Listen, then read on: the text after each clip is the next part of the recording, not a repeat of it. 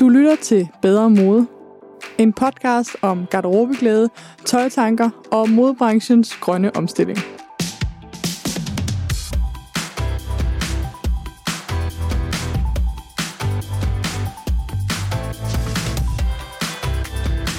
Velkommen til tredje episode af Bedre Mode. I dag der skal vi snakke om modeindustriens samfundsansvar. Altså den bæredygtige omstilling, som der er gang i inden for tøjproduktion. Vi skal snakke om, hvad de gør, hvad de ikke gør, men også, hvad for en påvirkning tøjindustrien har på verden. Samfundsansvar, det er et begreb, som dagens gæst bringer ind i samtalen, og jeg synes simpelthen, det rammer så godt. Der er måske gået lidt inflation i begrebet bæredygtighed, og især i CSR. Samfundsansvar, det knytter jo sig også op på et rigtig godt andet ord, som vi lige nu måske også bruger rigtig meget, som er samfundssind. Det er altså noget, vi alle sammen skal udvise. Vi har alle sammen et ansvar for det samfund, vi lever i, og modbranchen er ingen undtagelse. I dag skal vi snakke med Esben Rabe Gjerdum Petersen. Han er øh, professor, Ph.D. på CBS og har i mange år kigget ind i modbranchen. Han ved utrolig meget om, hvad der sker lige nu ude på omstilling, men han har så svært ved at blive konkret og snakke om enkelte brands. Og derfor er det super godt, at vi også har dagens sponsor. Dagens episode er nemlig sponsoreret af Sourcing House, som hjælper andre tøjvirksomheder med at købe ind, men også med at blive mere bæredygtige. Og dem skal du høre fra. Du skal høre fra Silke, som er deres Head of Sustainability, og hun bliver super, super konkret på, hvordan det ser ud, når et øh, etableret tøjbrand omstiller sig. Så samspillet mellem de to håber jeg, I vil nyde helt vildt meget. Og øhm, selv da jeg genhørte det, blev jeg faktisk lidt klogere. Så hvis du har undret dig over, jamen, hvad sker der egentlig, når modebrands omstiller, når tøjproduktionen skal gøres lidt mere grønnere, jamen, så er det nu, du skal lytte med. Og øhm, som altid, så starter vi med, at dagens gæst introducerer sig selv. Rigtig god lyttelyst. Jeg hedder Esben Rabe Gerdum Petersen. Jeg er professor på Copenhagen Business School, og øh, jeg har arbejdet med bæredygtighed i snart mange år. Inden for de sidste år har der også været meget fokus på bæredygtig mode, og vi har været med i en række projekter, der beskæftiger sig med det, hvor vi både har lavet case-studier af, hvad skal man sige, øh, innovative virksomheder inden for mode, og vi har lavet spørgeskemaundersøgelser i modebranchen, og i det hele taget kigget på, hvad gør modebranchen i forhold til bæredygtighed og CSR, uh, Corporate Social Responsibility, eller samfundsansvar, som man også siger på dansk. Samfundsansvar. Det er egentlig et godt ord. Det er der ikke så mange, der bruger. Ikke længere, det var måske mere populært for nogle år siden. Ja. Men, øh, men, men det er jo også væsentligt, fordi det, er jo, den, det understreger jo lidt den sociale side af bæredygtighedsaspektet, hvor der nogle gange har været lidt kritik af, at bæredygtighed bliver lidt for meget miljø og lidt for meget med kemikalier ja. og bomuld og den slags. Helt sikkert. Jamen, øh, det, det tror jeg, jeg vil øh, til at bruge noget mere. Det er rart at få nogle øh, nye ord ind nu i de her tider, hvor bæredygtighed måske er lidt udvasket og udskilt måske endda. Men altså, den, den her omstilling, den kommer jo af en grund. Kan du prøve at rise op, hvad, hvad ved man om tøjindustriens sådan, påvirkning på verden, både samfundsmæssigt, men måske også miljømæssigt? Altså motivationen for den omstilling, vi ser. Man kan sige, at modebranchen er jo om nogen global. Der er jo nogle globale øh, leverandørkæder, der er nogle problemer, nogle udfordringer igennem hele øh, leverandørkæden. Øh, startende fra bomuld og polyester, øh, hvor man kan sige for eksempel, bomuld er jo ikke verdens mest bæredygtige øh, afgrøde. Øh, der bruges en masse pesticider, der bruges en masse vand, og sådan fortsætter det jo egentlig igennem hele transformationsprocessen, indtil vi har et stykke tøj i den anden ende. Ja. Og i den proces er der jo også en masse øh, sociale problemer, altså underbetalte arbejder, øh, dårlige indeforhold, den berømte Rana Plaza-skandale, ikke? Altså, mm. hvor, hvor bygningen kollapsede. Så der er både miljømæssige og sociale udfordringer gennem hele leverandørkæden. Ja. Når man så kigger på ligesom den anden side, altså forbruget, så er der jo også mange problemer der. Uh, vi har et uh, forbrugersamfund, hvor kunderne køber en masse tøj, øh, bruger det nogle få gange, og i øvrigt smider det væk. Øhm, ja. Og i den proces, så behandler de heller ikke altid så godt, som de måske øh, skulle gøre. Øh, vasker det for meget ved for høje temperaturer, og netop når det så ender i skraldespanden, så ryger meget af det bare på lossepladsen. Øhm, så et helt igennem dårligt system lyder det til? Man kan sige, at der er i hvert fald negative effekter igennem hele kæden. Øhm, når det gælder øh, mode. Og det er jo også derfor, man diskuterer det, ene, som, det som en af de mere, hvad skal man sige, forurenende brancher ja, her på jorden. Ja. Sammen med fødevarer, sammen med bolig, sammen med transport og den slags. Altså, der ligger det sådan, hvad skal man sige, som en af de, de brancher, som også betyder noget. Er det din opfattelse, at man i de seneste år har sådan bredt fået mere øjne på det her, eller har det altid været et, et fokusområde for jer, der ser på forskellige brancher og bæredygtighed? Jeg tror helt klart, at der er kommet mere fokus på bæredygtighed i modebranchen. Der har altid været sager øh, om bæredygtighed. I 90'erne var det meget det, den sociale del af bæredygtighed. Altså, der var alle de her skandaler med dårlige arbejdsforhold for, for de ansatte i, hos underleverandører, og hos Nike og andre øh, virksomheder. Men i dag er det meget miljødagsordenen, som, som har taget over, og man fokuserer på. Og der synes jeg, man kan se en stigende interesse. Øh, ikke altid en stigende ændring, eller hvad skal man sige, en forandring, men, men der er helt klart et stigende fokus ja. på det område. Uh, også fordi branchen måske erkender, at det bliver nødt til at gøre et eller andet. Men det er jo sjovt, fordi vi ved jo langt mere på det sociale område, eller det er i hvert fald min opfattelse, at vi ligesom har konkrete både skandaler og eksempler, men at vi i virkeligheden, sådan hele det der miljøsvineri, der famler vi lidt i, hvor slemt er det, hvor stort er udledningen, hvor meget sviner det. Der er lavet en del undersøgelser. Jeg er ikke LCA-ekspert på Nej. nogen som helst måde. Um, men der bliver også lavet meget på miljøsiden. Altså, der har været lavet meget med kemikalier, for eksempel, ja. har været meget fokus på det. Uh, Greenpeace lavede jo en kampagne mm. for nogle år siden, der satte fokus på det. Og altså, generelt har branchen også været opmærksom på det. Øh, der er stadig nogle udfordringer, men det har de været, har fokus på. Hele vandforbrugsdiskussionen ja. har også været op og vende rigtig mange gange. Når man, hver gang man ligesom nævner, hvor forurenende modbranchen er, så er der altid to ting. Altså det er pesticider og bomuld, og det er vandforbrug i kopperbukser og den ja. slags. Det, det skal man næsten høre, eller t-shirt. Selvfølgelig er der, er der fokus på det, men, øh, men man har jo ikke rigtig løst det. Jeg afbryder lige kort for at prøve at give jer nogle tal. Det ved I jo, at jeg rigtig, rigtig godt kan lide, så vi ligesom får styr på det. Fordi hvad er det egentlig, vi ved omkring tøjproduktionens belastning, eller impact, som man siger på engelsk, på planeten og kloden, og især på miljøet. Og øhm, der er slet ingen tvivl om, at det har en kæmpe impact. Men desværre så er der en lille smule forvirring om tallene. Der er ikke lavet den tilstrækkelige forskning på det. Det var noget, som Else Skjold og jeg rev os i hovedet over, da vi skulle skrive bogen Klæder bedre, fordi at der er så utrolig mange myter derude. En af de mest sejlede myter, det er, at modebranchen er den anden største forurening industri i verden. Og det kan man bare sige, måske, måske ikke, der er simpelthen ikke tal på det. Noget vi dog kan sige, eller som FN går ud og siger, og øhm, den bliver man altså nødt til at prøve at stole på. Det er, at tøjindustrien står for 8-10% af den samlede CO2-udledning i verden. Det er der meget få andre brancher, der samlet set kan. Og det betyder altså, at vi skal i høj grad begynde at tænke på tøj som en af de helt store CO2-udledere.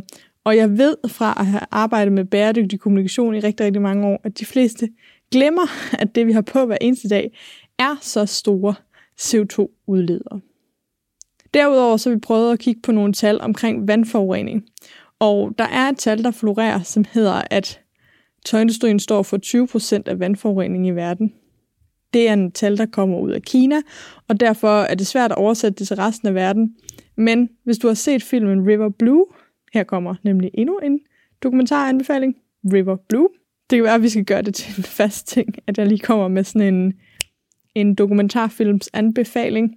Øhm, det er i hvert fald en virkelig god måde at blive klogere. Nå, tilbage på sporet. I den film, så ser du virkelig, hvordan at tøjindustrien har en kæmpe belastning på vandmiljøet. Så det er slet ikke overhovedet forkert at tænke, at det måske kunne være deromkring. Men det er altså ikke et, et tal. Vi har også et andet regionalt tal, som jeg læste og synes var utrolig tankevækkende. Det er fra en artikel i The Guardian. 100 millioner mennesker i Indien har ikke adgang til rent drikkevand. Det vand, der bruges til at dyrke bomuld i Indien, vil dække 85 procent af befolkningens daglige behov for vand. Det er altså meget tankevækkende, at vi har et kæmpe kontinent, som giver os rigtig, rigtig stor del af vores bomuldsbehov, og samtidig er der så sindssygt mange mennesker, som ikke har adgang til rent drikkevand. Som Esben siger, så er bomuld jo en af de store vandsluger. Derved ikke sagt, at vi nødvendigvis ikke skal bruge bomuld. Vi skal bare ikke bruge bomuld fra steder, der er vandet helt vildt meget. Og det kan være mega svært at vide som forbruger. Så generelt set, køb noget mindre. Men altså, det er nogle af de få tal, vi har 100% i forhold til, hvad den samlede tøjindustris impact på kloden har. Det er et område, som vi håber, der kommer meget, meget mere forskning på. Det er ligesom problemet. Det er stort. Det er i alle led. Hvad gør branchen?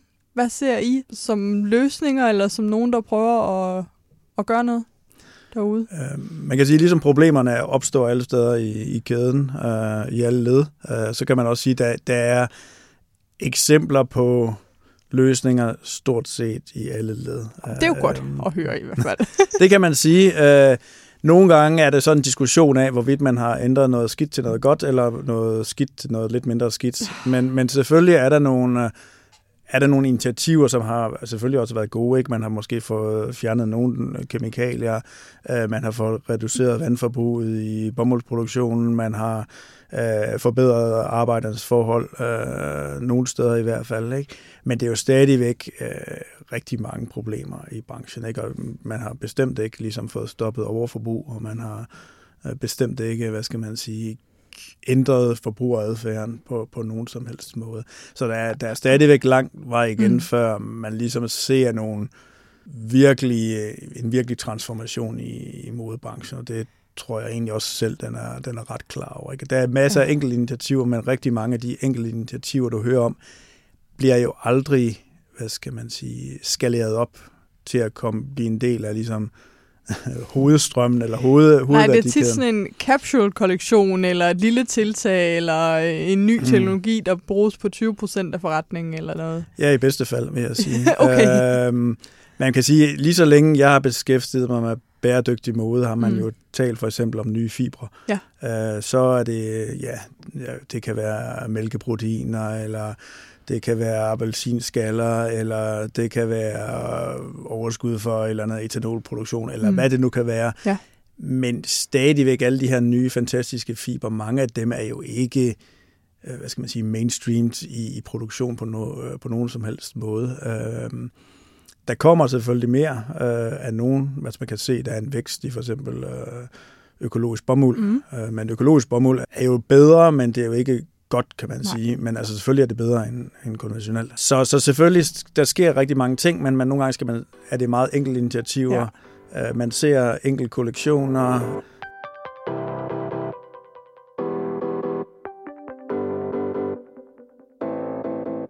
Så er det blevet tid til at snakke med dagens sponsor, og det har jeg glædet mig rigtig, rigtig meget til.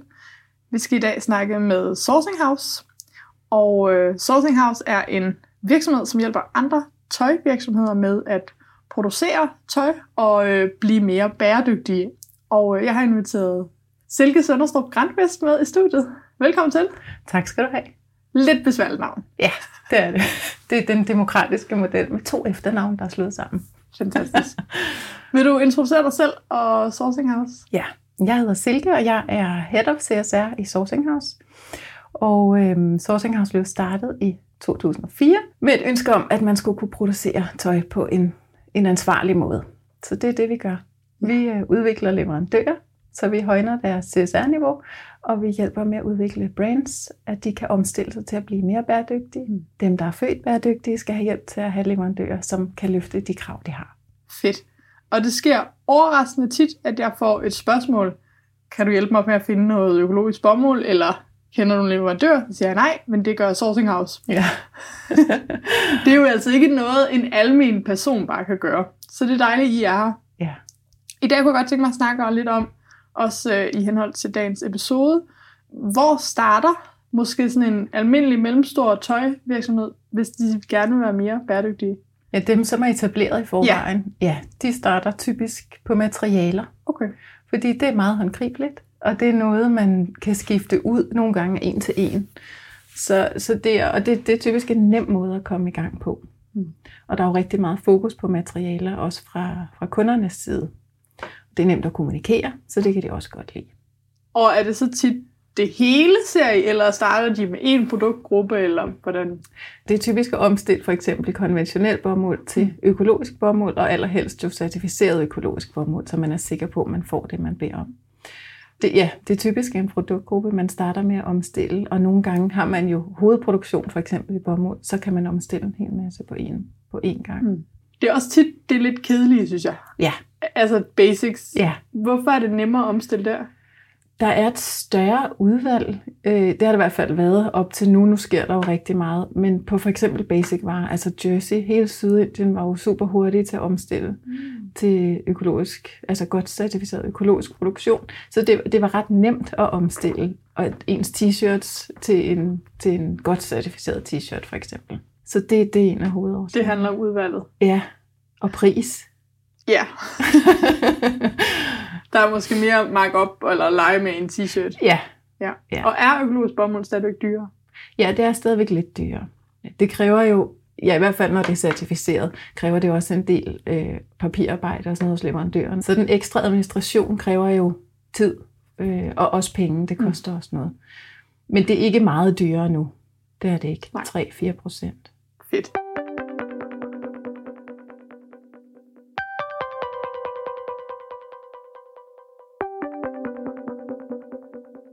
Kan du prøve at gøre os klogere på, hvad gør man, hvis man måske er lidt mere ambitiøs og gerne vil omdanne mere af virksomheden, i stedet for bare at skifte materialer ud? Hvad er det for nogle ting, som måske ikke er så synlige, men som gør en stor forskel? Ja, altså jeg vil sige, at man skal kigge ind i sin kollektion og sine processer rigtig meget.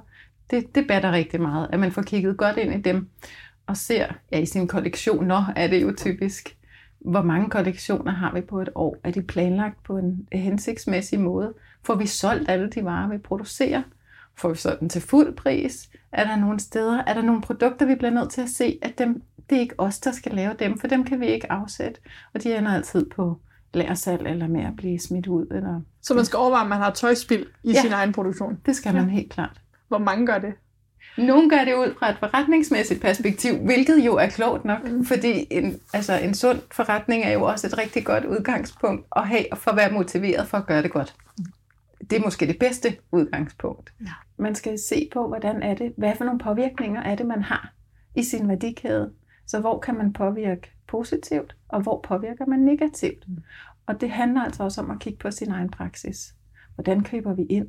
Giver vi dem den leveringstid, øh, leverandørerne har brug for, for eksempel? Kan vi uddanne vores kunder til at gøre det lidt bedre? Skal vi skære nogle ting fra? Mm. Er nogle materialer, vi skal ændre? Kan vi højne kvaliteten af vores produkt, så det holder længere? Og hvad med på den sociale side, altså arbejdsforholdssiden, som jo er den, ja. der især tit er under kritikken, ja. og tit er sindssygt skjult? Det, det er nemlig rigtig vigtigt, og det er også den, der er svært at kommunikere om, men den er super vigtig at kigge ind i, fordi det er her, man har som regel den største negative påvirkning. Så det er rigtig vigtigt at kende de samarbejdspartnere, man har, som leverandørerne, vide, hvordan forholdene er hos dem. Og jeg kan kun anbefale, at man tager ud og besøger dem og snakker med dem som et minimum, øh, og har en dialog om, hvordan tingene foregår hos dem, og også en dialog om, hvordan man påvirker dem om de ser nogle svagheder ved den måde, man selv handler på, eller ser nogle ting, der med fordel kunne ændres. Kan man forvente, at de er ærlige? Altså kan man forvente at få et retvisende svar, når man besøger en leverandør og fortæller, hvornår man kommer? Ikke, til, ikke nødvendigvis, og det er jo en kulturel ting, så det kommer ind på, hvor du producerer henne. Øhm, fordi mange vil jo gerne være høflige, de vil heller ikke risikere at miste kunden. Så, så de er jo lidt på listefødder, indtil man har fået opbygget et tillidsforhold. Og er det det, I måske kan hjælpe med, fordi I har et tillidsforhold, eller hvordan? Ja, det er noget af det, som vi hjælper med. Så vi hjælper med, dels har vi jo etableret et tillidsforhold med de leverandører, vi arbejder med, og det hjælper vi ligesom med at overføre til kunden, og også give dem nogle små kommunikationsfifs og være mediator nogle gange. vi hjælper også sådan helt konkret med, at man kan få planlagt sine kollektioner ordentligt, og sine sampleprocesser og sine sourcingprocesser, sådan at man arbejder sammen med leverandøren, og ikke kommer til at spænde ben øh, for deres arbejde, og de krav, man stiller til dem, for at de skal kunne opretholde en ansvarlig produktion, bliver man nødt til at se på sine egne processer. Og jeg ved jo, at der er masser af små øh, producenter, der hører med, men jeg håber selvfølgelig også, at vi har nogle sådan lidt større på linjen. Hvor stor skal man være, for at det giver mening at arbejde med jer og få hjælp til hele den proces?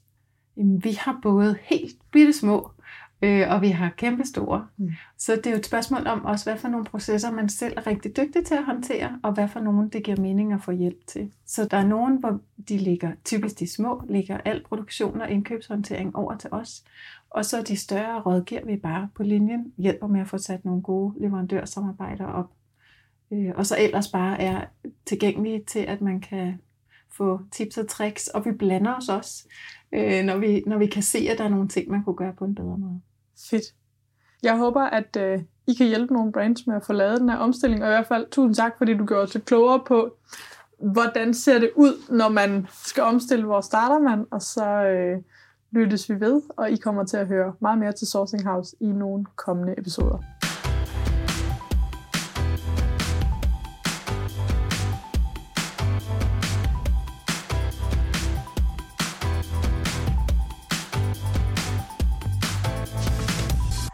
Kan du være konkret og nævne, du behøver nødvendigvis ikke nævne navne, men kan du nævne nogle eksempler, som, som du trods alt synes er i den mere ambitiøse ende? Jeg vil da sige, at de tanker, der er om at genanvende fibre, virker på mig ret lovende. Men vi er der jo ikke endnu. Altså, der er jo store problemer med, med mode. Det er jo ikke et standardiseret mm. produkt. Hvis man nu havde haft en mursten, så var det nemmere at, at måske gøre ja. noget ved den. Ikke? Men når du har netop et, et blandingsprodukt som tøj, der kan sorteres på hundredvis af forskellige måder og mm. bruges til masse forskellige ting, så det, kan det nogle gange være svært at få økonomi ud af det, øh, hvis du ligesom. Men man kan jo se, at at nogle virksomheder har forsøgt sig netop med, med genanvendelse af fiber, og mm. der tror jeg, vi kommer til at se rigtig meget mere i fremtiden. Så det er i hvert fald en, en ting. Man kan så sige, hvis man skal være sådan lidt kritisk, det er jo så, at der fjerner du jo ikke øh, eller gentænker du jo ikke din leverandørkæde, kan man sige, men, det, men stadigvæk er det jo en klar forbedring. Ja. Jeg tror også, der vil være mange kemikalier, der ryger ud, og jeg tror også, der kommer nogle teknologier, de findes jo sådan set allerede øh, til at reducere vandforbruget i, i produktionen. Ikke? Øh, men igen, det, det skal også være attraktivt for virksomhederne, det skal være attraktivt for leverandørerne og underleverandørerne osv., mm. Og det er det måske ikke alle steder øh, i dag kender nogle eksempler på, hvor man har taget fat i den sociale del og lavet nogle forbedringer der? Der er rigtig mange virksomheder, som har arbejdet med den sociale side, fordi det er jo der, skandalerne kom ja. i 90'erne. Der er lidt øh, diskussioner om nogle gange, hvad, hvad, og der har været nogle afledte effekter, for eksempel, at hvis du nu har forbedret arbejdsmiljøet i Kina, så har de bare flyttet mm. til Bangladesh eller sådan noget. Men jeg tror, man har, hvad skal man sige, kan sige, at det er i hvert fald nogle af de værste praksiser, som de store spillere i dag ikke vil acceptere, som de måske stod igen fingre med ja. for 20 år siden. Så på den måde er, det, er der sket noget. Så bundniveauet er blevet hævet? Ja, det vil jeg, uden at jeg har lavet sådan en stor global undersøgelse af alle, så vil jeg sige, at jeg har svært ved at se, at man vil acceptere de samme forhold i dag, som man accepterede ja. i slut 80'erne og starten af 90'erne.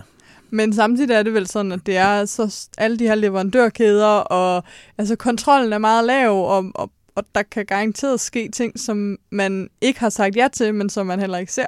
Helt sikkert. Altså, der er jo ikke rigtig nogen, der har fuld kontrol over deres leverandørkæder. Nej, og det er faktisk bare det, lad os lige pausen der, det synes jeg er så skræmmende, når man laver et produkt, og man så siger, der er nærmest ikke nogen, der kender hele processen mm. ved alle de mennesker, der er inde over det. Altså, det, det, der, det synes jeg, der er, er frygteligt at høre. Man kan sige, at grundlæggende så outsourcer du jo for at få fleksibilitet. Øh, det du så mister, det er kontrol. Ja. Øh, og selvfølgelig er der rigtig mange virksomheder, der arbejder meget med at få forbedre kontrollen. Også fordi de ved, at øh, der har været nogle uheldige sager med, at de ikke har kontrol over, hvad for nogle materialer, der bliver, der bliver anvendt hos underleverandøren. De har stillet nogle krav, og så mm. finder de ud af, at der er nogle helt andre øh, ting, der er puttet i produkterne. Der var en skandale for eksempel med, med Mattel, det er så inden for legetøj, Ja. som jo netop havde stillet en masse krav, og så fandt de ud af, at øh, underleverandøren bare havde givet ordrene videre til en anden underleverandør, som de ikke havde kontrol over, og så kom der alle mulige for, Mm. forkerte ting i deres uh, slutprodukter. Og det har man jo også set i, uh, i modebranchen, at de ikke har styr på, uh, hvem der reelt set producerer deres uh, ja. varer. Um, og det er, det er selvfølgelig også super vanskeligt, når du, de opererer på den anden side af jorden, og du forventer en eller anden form for ærlighed, som måske ikke altid er, er til stede. Nej, så, så der er nok at tage fat i. Har du nogle eksempler på nogen, som har taget fat i sådan kernen, altså forretningsmodellen? der er mange nye forretningsmodeller, der prøver ligesom at, hvad skal man sige, etablere sig, ja. enten det er for eksempel deleøkonomi, øh, mm. hvor der har været nogle forsøg både på tøjbytte og forskellige online-systemer. I, I Danmark har vi jo netop for eksempel Continued, Ja. ja. øh, som forsøger at lave det her, øh, det her brand øh, sammen med nogle modevirksomheder. Øh, Du har jo også nogle virksomheder, der har slået sig op netop på hele genanmeldelsesdelen. Mm. Så der findes jo nogen, der ligesom har prøvet at skabe en forretningsmodel omkring det her. Ja. Øh, man kan sige, de etablerede spillere, altså de store modevirksomheder, de prøver jo ligesom at lave de forbedringer, de kan inden for deres eksisterende forretningsmodel, ja. øh, typisk. Øh, Og de store spillere, det er bare dem, som har en meget lineær og meget producerer mange ting forretningsmodel. Ja, det, altså det er jo, hvad skal man sige, det er jo forretningsmodellen, mm. og den har jo vist sig at være ekstremt succesfuld. Det må man jo give den. Uh, og Indtil nu kan man håbe på, at der Indtil nu, uh, men man kan jo sige, det virksomheder, der har succes, jo er gode til, det Mm. er jo, at uh, de leverer det, som kunderne gerne vil have. Så man kan sige, hvis man skal løse problemerne for modebranchen, så bliver man også nødt til at, hvad skal man sige, kigge på efterspørgselen. Fordi at hvis de rent faktisk uh, oplevede, at der var et stort, massiv efterspørgsel efter det her, og bare for at overhovedet komme ind på markedet, mm. så Mhm. bliver det nødt til at forbedre sig på et helt andet niveau, øh, så vil de også gøre det. Det er, der sådan set, det er jeg sådan set ikke i tvivl om. Altså, så jeg kan godt forstå også, selvfølgelig også, at man kan altid kritisere de store spillere, men man må også sige, at øh, jeg kan godt nogle gange forstå, at de er lidt kyniske, når de så ser, hvad der rent faktisk sælger, Ja. Det, det, som måske nogle idealistiske grupper rent faktisk kræver af dem. Ikke? Det er Ja. mega tankevækkende, og der er jo virkelig den der med, hvem gør vi det for? Og Mm. lige nu virker det faktisk ikke som om, at branchen reelt set omstiller sig på grund af forbrugerne, fordi der er ikke en, en ægte efterspørgsel, eller er det bare mig, der har den fornemmelse, når jeg er rundt og snakker med, med brandsene? Jeg tror ikke, at der sådan for alvor er et pres for at ændre radikalt ved forretningsmodellerne. Nej. Øh, Jeg tror, hvis man kan sige, hvis forbrugerne bliver stillet over for det valg, vil du helst have et bæredygtigt produkt eller ikke bæredygtigt produkt, så vil de fleste have et bæredygtigt produkt. Mm, med Øh. mindre at det ikke er lige så pænt, billigt og tilgængeligt. Netop. Men hvis du ligesom holder de alle de andre konstante, altså det er ligesom, hvis du har et glas vand, ikke? Du har et glas vand, øh, to glas vand, det ene putter du pesticider i, det andet lader du være med.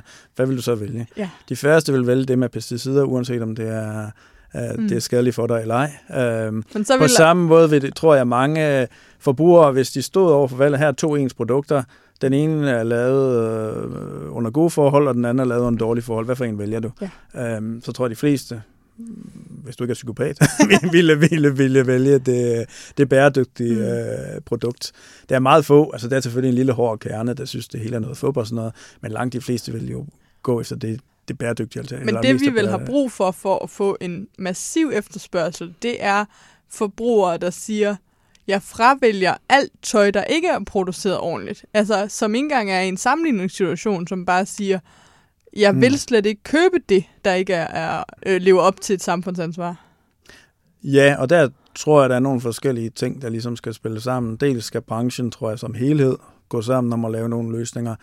Øh, Det er jo klart, at den enkelte modvirksomhed ikke kan få en forretning ud af nogle bæredygtige initiativer, simpelthen fordi, at øh, initiativerne er for små. Ja. Øhm, så, men hvis det var et industriinitiativ, der blev lavet, så kunne det jo bedre betale sig. På samme måde kan man sige, hvis man gjorde det bæredygtige alternativ til det, me, det billigste øh, mm.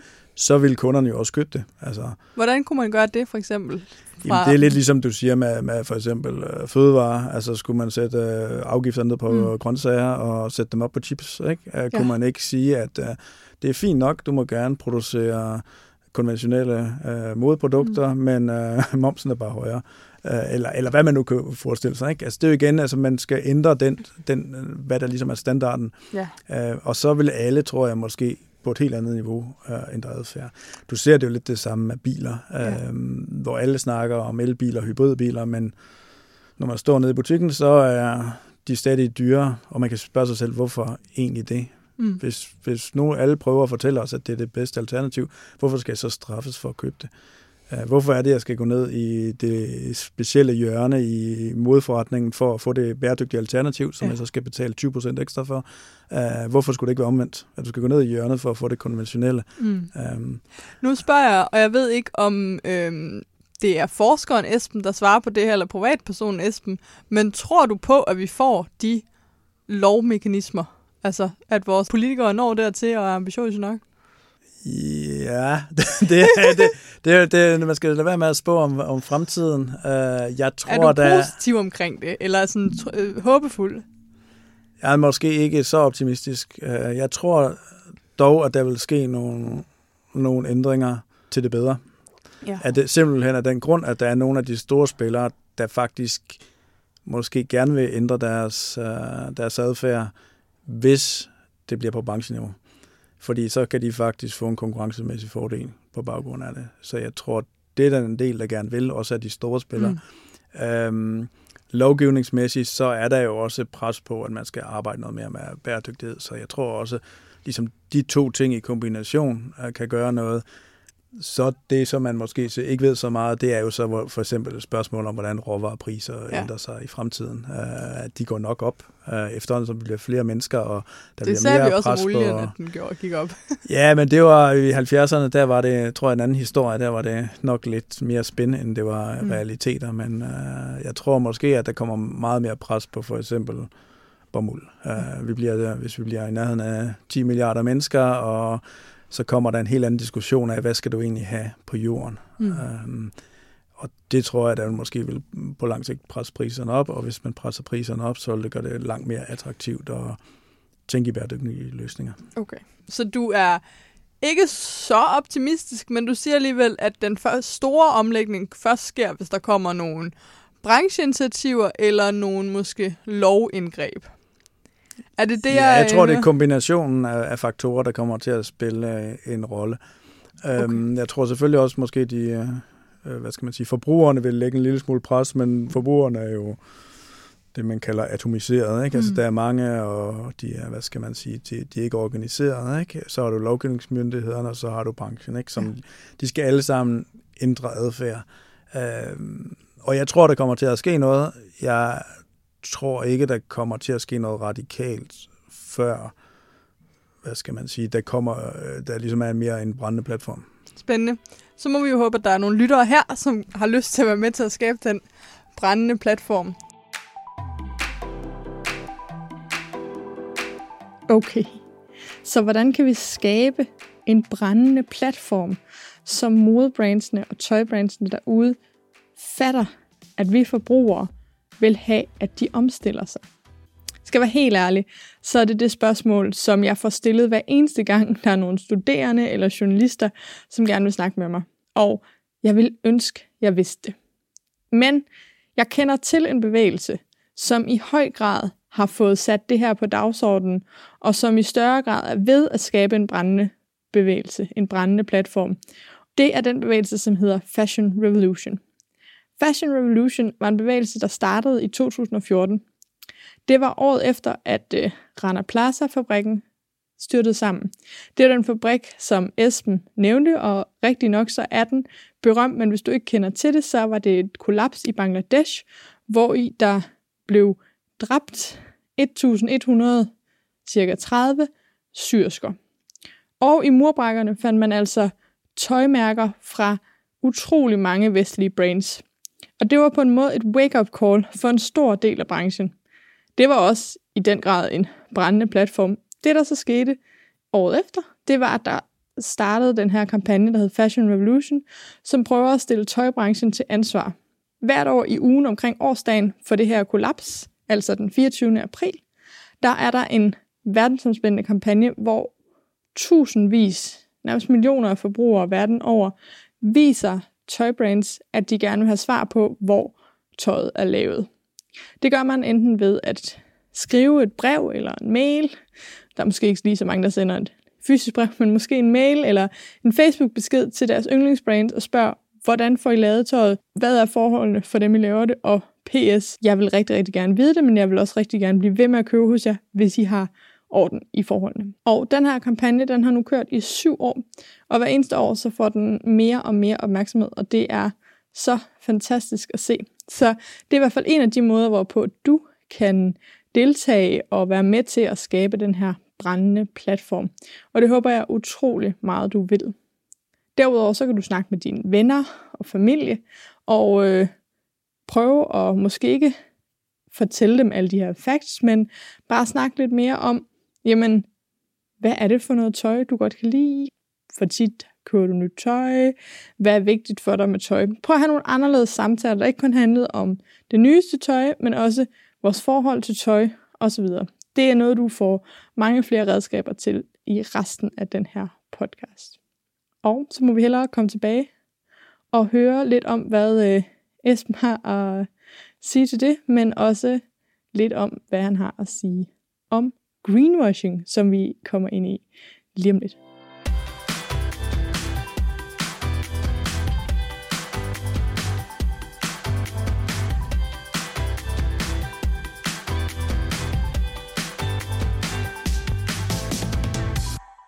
Jeg kunne godt tænke mig, inden vi slutter, at komme tilbage til det, som sker lige nu, og de øh, tiltag, som, som brandsene gør, og måske især deres markedsføring som jeg ved, du har øh, nogle, nogle tanker omkring det, de sætter i gang, og det, de siger om det, de sætter i gang. Ja, man kan sige, at der er rigtig mange gode initiativer, og der er også rigtig mange øh, fornuftige initiativer og innovative initiativer, men jeg synes også, at der er mange initiativer, der holder sig på projektniveau, mm. og som aldrig rigtig bliver mainstream. Det bliver aldrig rigtig skaleret op til at øh, gælde hele produktionen. Og det er jo klart et, et problem for, for bæredygtighed. Mm. Altså hvert år, så står man jo til alverdens uh, awardshows og hylder de nye initiativer, de nye uh, fibre, de nye uh, systemer, IT-løsninger, hvad som helst. Men Kjoler med 10% genanvendte paljetter, og så får de priser for at være det mest bæredygtige produkt nogensinde. Præcis, og, men hvor meget ser du af det i H&M ugen efter? Øh, ja. Hvor meget af det går ind i ligesom den her, hvad skal man sige, den, den store maskine? Mm. Øh, det, er, det er meget let, og jeg tror måske, at nogle af de initiativer, der er blevet sat i søen, er blevet oversolgt en lille smule i forhold til, hvad man realistisk kunne forvente af den. Og vil du også sige, at de er blevet oversolgt, sådan at de med vilje prøver at vildlede det er altid svært at, hvad skal man sige, skønne motiver, selvfølgelig. Uh, man kan sige, at uh, de har måske i hvert fald været optimistiske, da de startede. Altså man kan sige, hvis, hvis de var blevet kæmpe succeser, og alle, hvad skal man sige, havde løbet efter den bold, kan man sige, så, så tror jeg også, de havde skaleret op, men der er rigtig meget, som mest handler om at vise det gode initiativ. Mm. Uh, og det er ikke noget, der er specielt for modebranchen, det ser man også inden for alle mulige andre brancher ja. i virkeligheden. Ikke? At øh, man har måske en, en hovedproduktion, mm. og så har man en bæredygtighedsafdeling eller en CSR-afdeling, som kører lidt på siden af, mm. hvad skal man sige, hovedsporet ja. i, i virksomheden. Og nogle gange, når jeg har studerende, så spørger jeg dem også om, øh, hvor er det, du ser bæredygtighedsafdelingen? Hvor er det, mm. du ser CSR-afdelingen? Og det er klart, hvis den afdelingen ligger gemt et eller andet sted nede i kommunikation eller HR, så siger det sig selv, at det er virkelig, virkelig svært at få de der gode initiativer ja. løftet op til at, hvad skal man sige, gennemsyre hele virksomheden.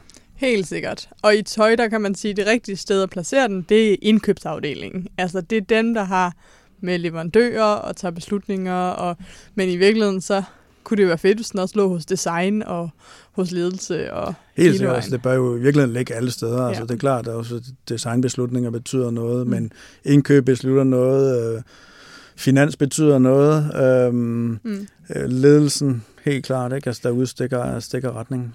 Hvordan skal vi som forbrugere, øh, synes du, forholde os til, når vi, når vi ser det her? Er det vigtigst, når du ser det fra et businessperspektiv, at vi støtter det og siger, okay, I har gjort lidt, så skal jeg virkelig købe det og vise, at, øhm, at det bare er fedt, at I skal gøre mere, eller skal man, hvis man gerne vil være en etisk forbruger, hellere holde sig helt udenfor og gå over til de måske lidt mindre, måske potentielt lidt dyre virksomheder, som er født med et bæredygtigt DNA?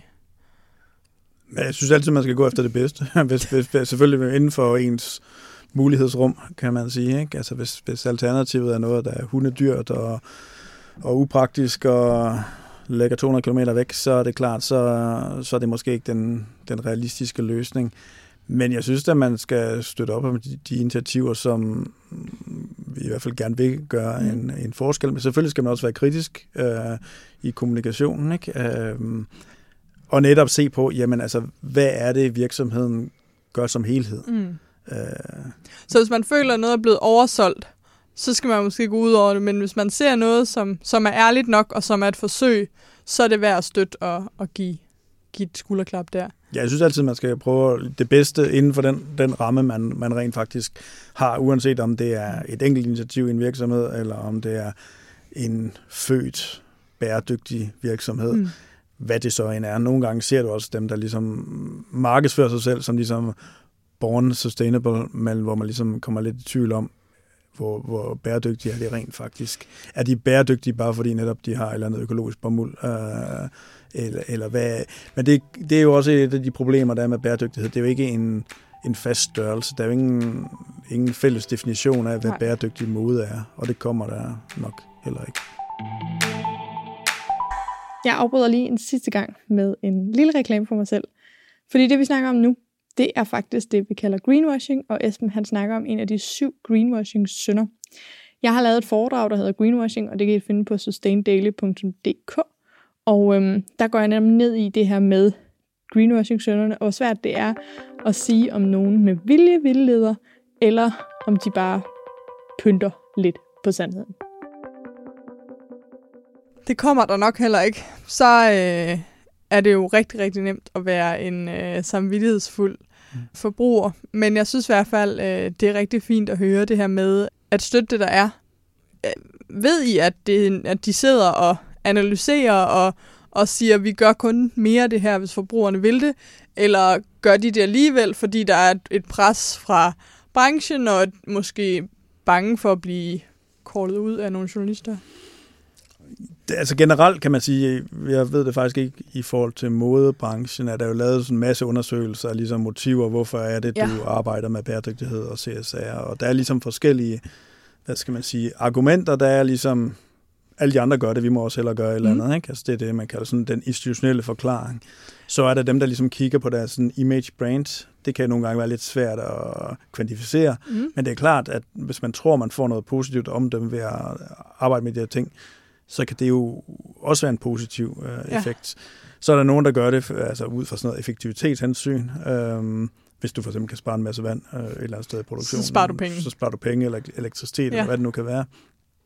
Og så er der jo også dem, der ligesom er drevet af en eller anden, øh, hvad skal man sige, personlige værdier, mm. øh, som også er væsentlige at tage med. Ikke? Specielt måske de små og mellemstore virksomheder, hvor du har en stærk leder, som mm. ligesom tegner virksomheden. Ikke? Og hvis vedkommende bare synes, at medarbejderne skal have det godt, eller underleverandøren skal behandles ordentligt, eller at øh, man skal prøve at mindske miljøpåvirkningen, så er det klart, det kommer jo til at gennemsyre mm. øh, indirekte forretning. Ja, så, så det er svært at vide motiverne. Jeg vil Men, sige, at det, er jo, det er altid svært at skønne ja. over motiver. Man skal efter min mening kigge meget på, hvad er det rent faktisk, der sker, og hvor meget sker der.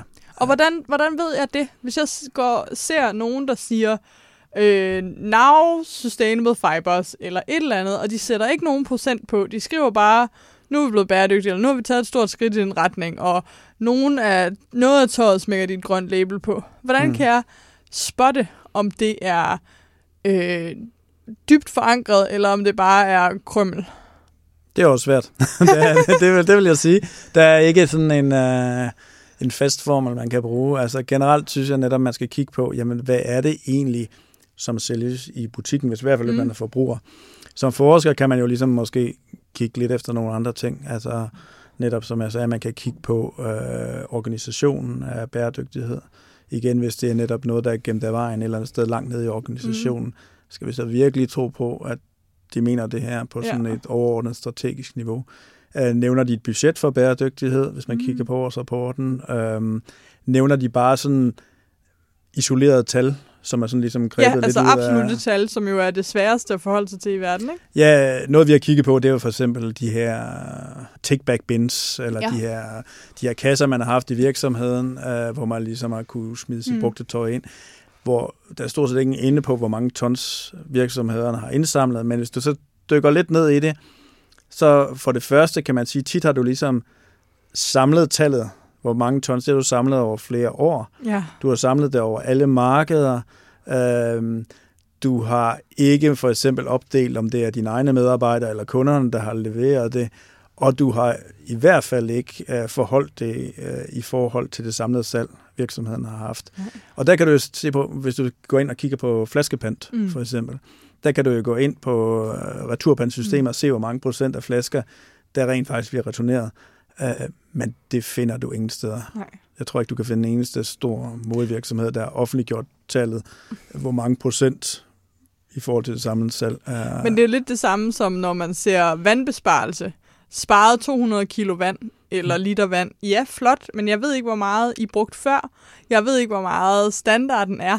Øhm, altså, så måske er det, hvis man kan finde nogle procenter, er det, du prøver at sige, er noget, der skal vel være et eller andet sammenligningsgrundlag, og ja. altså, man kan sige igen, hvis du nu for eksempel var investor mm. og kiggede på de økonomiske nøgletal, vil du så acceptere, at en virksomhed bare, hvad skal man sige, blandede pærer og æbler sammen over en længere årrække, uden ligesom at vide, hvordan man var i forhold til konkurrencen. Det vil du nok ikke, Nej. hvis du rent faktisk skulle overveje, om du skulle lave en investering i den her virksomhed.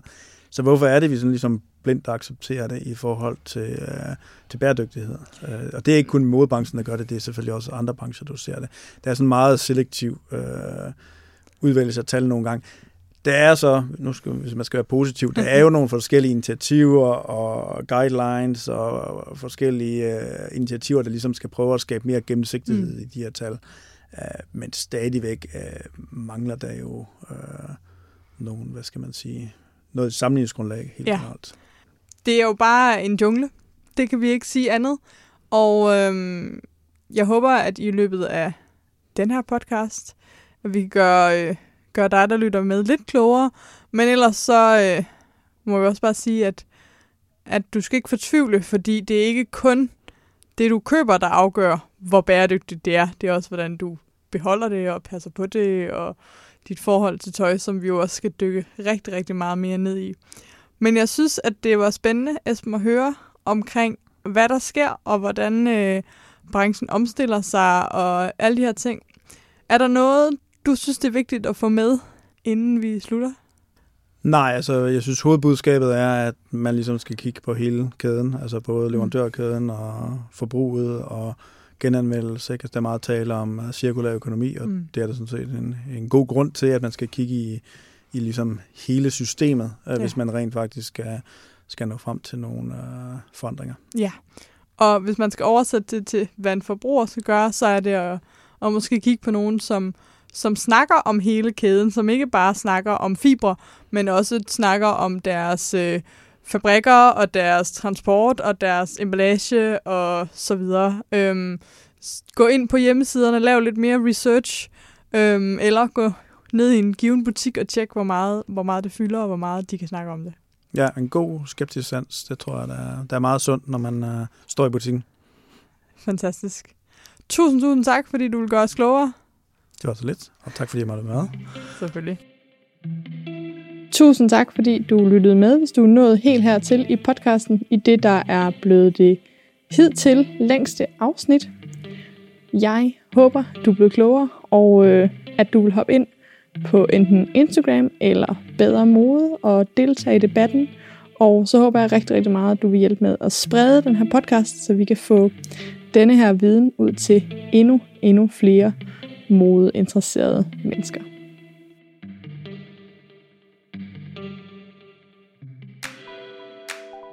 Du har lyttet til Bedre Mode, en podcast af mig, Johanne Stenstrup, produceret for Sustain Daily. Podcasten er klippet færdig af Annette Halstrøm, og vi er super glade for, at du lytter med. Inde på siden bedremode.nu kan du finde show notes, altså en lille beskrivelse af hver episode, samt de relevante links, der nu skulle være. Og jeg bliver også sindssygt glad, hvis du har lyst til at komme med feedback. Det kan du enten gøre inde på siden, hvor der er et kommentarspor. Du kan gøre det i din podcast-app ved at lægge en anmeldelse. Eller du kan gøre det på Instagram, hvor jeg også er under navnet Bedre Mode. Jeg vil sindssygt gerne høre, hvad for nogle tanker den her podcast har sat i gang for dig. Og hvis du har forslag til gæster, ting vi skal tage op, eller bare spørgsmål i det hele taget. Tusind tak, fordi du lytter med, og så ses vi, eller lyttes vi ved i næste uge.